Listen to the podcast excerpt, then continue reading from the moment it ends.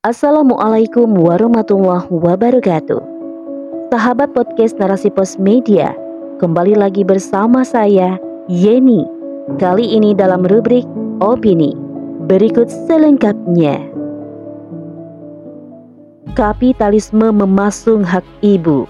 Slogan perempuan berdaya itu palsu.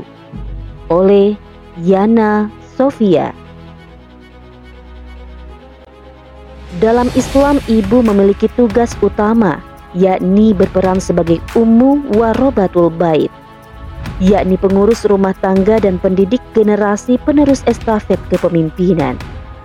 Sayangnya, di alam kapitalisme para ibu dipaksa keluar rumah untuk mencari nafkah. Hal ini tentu menghambat peran utamanya, yakni mempersiapkan generasi terbaik.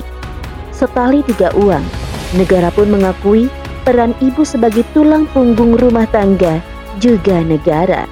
Karenanya, negara berupaya mendorong kaum ibu untuk terlibat dalam program UKM dan ekonomi digital.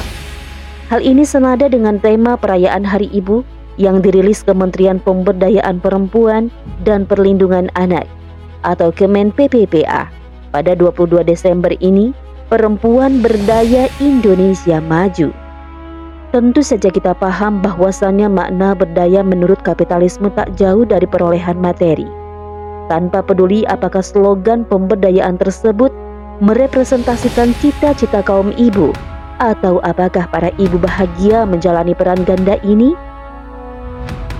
Menurut kaum feminis, kebahagiaan para ibu akan terpenuhi apabila terciptanya keadilan gender antara laki-laki dan wanita wanita dan laki-laki harus berada di kancah kehidupan yang sama untuk bersaing menentukan status sosialnya. Demikian feminis mendorong kaum ibu memiliki kemandirian ekonomi tanpa harus bergantung pada nafkah suaminya. Kaum sekuler ini beranggapan ibu produktif dan mandiri secara ekonomi adalah solusi dari berbagai problem yang menimpa perempuan. Pandangan ini sungguh sangat keliru dan penuh janji palsu. Memberdayakan ibu namun dengan cara mendorong mereka keluar dari rumah justru telah menghambat tugas utama para ibu mendidik generasi Rabbani. Di tengah budaya liberalisme yang kian diaruskan, peran negara minim dalam menjamin terlindunginya akidah umat. Ditambah dengan kurangnya perhatian ibu karena sibuk bekerja hanya akan melahirkan generasi bobrok penyumbang berbagai masalah dekadensi moral. Lantas, apakah para ibu senang melihat anak dan masa depan generasinya hancur karena tidak terdidik dan jauh dari pola asuh orang tua? Lalu apakah para ibu bahagia menjalani perannya yang tidak sesuai kodrat? Dari pagi sampai malam gulita, mengais rezeki demi keluarga?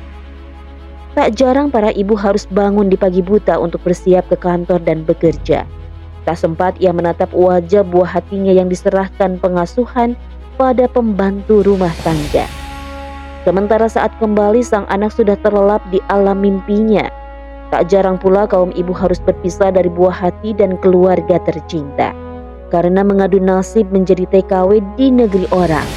Miris jika kaum ibu bisa memilih tentunya tak ingin meninggalkan peran utamanya sebagai ummu warobatul baik.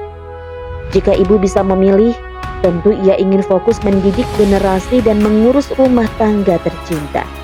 Itulah fitrah seorang ibu, berada di tengah keluarganya, karena ibu adalah madrasah pertama bagi anak untuk belajar makna kehidupan. Rumah bagi suami kembali setelah seharian bekerja. Itulah kebahagiaan utama para ibu ladang pahala itu ada di rumahnya. Perlu dicamkan, kapitalisme lah yang ada di balik eksploitasi tenaga kerja kaum wanita. Agar masalah krisis ekonomi global penyumbang pengangguran dan PHK. Kapitalisme inilah yang mendorong remaja terlibat prostitusi, yakni cara instan meraih materi yang berujung penyebaran HIV AIDS dan maraknya aborsi ilegal. Kapitalisme inilah agar masalah dari kemiskinan yang melahirkan kebodohan hingga munculnya dekadensi moral. Karena itu, mendorong kaum ibu untuk produktif dan berdaya akan sulit direalisasikan oleh sistem ini.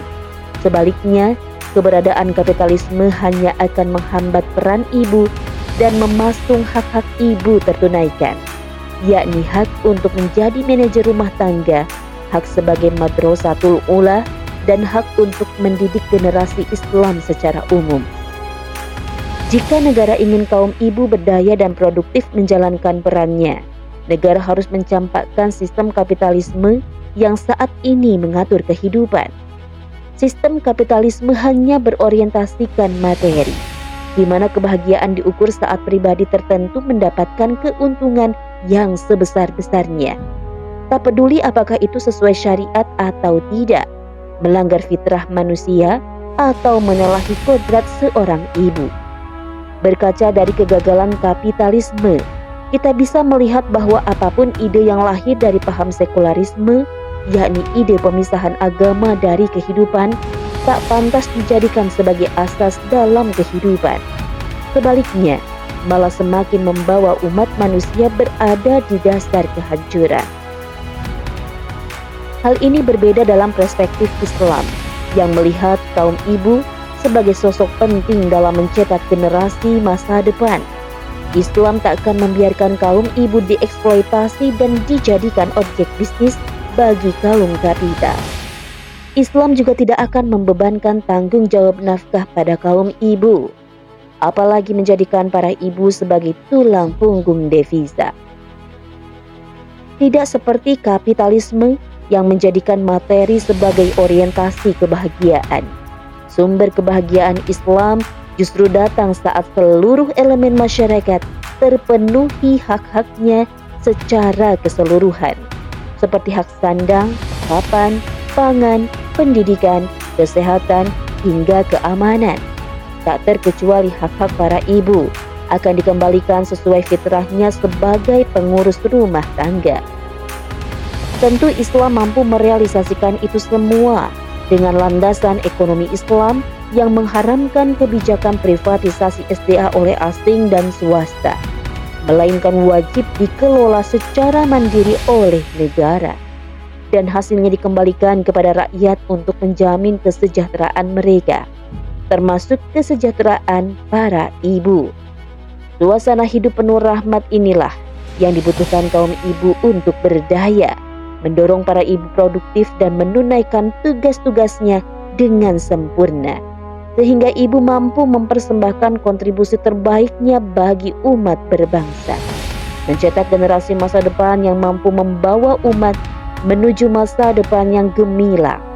Tentu saja, implementasi hukum Islam yang sempurna ini hanya bisa diaktualisasikan oleh bangunan kepemimpinan Islam yang menerapkan syariat secara kafah dalam bingkai bernegara. Hanya Islam yang mampu mewujudkan kehidupan umat yang sejahtera, terpenuhi segenap hak-haknya, baik hak atas individu maupun hak masyarakat secara keseluruhan. Wallahu a'lam. Narasi pos cerdas dalam literasi media, bijak menangkap peristiwa kunci.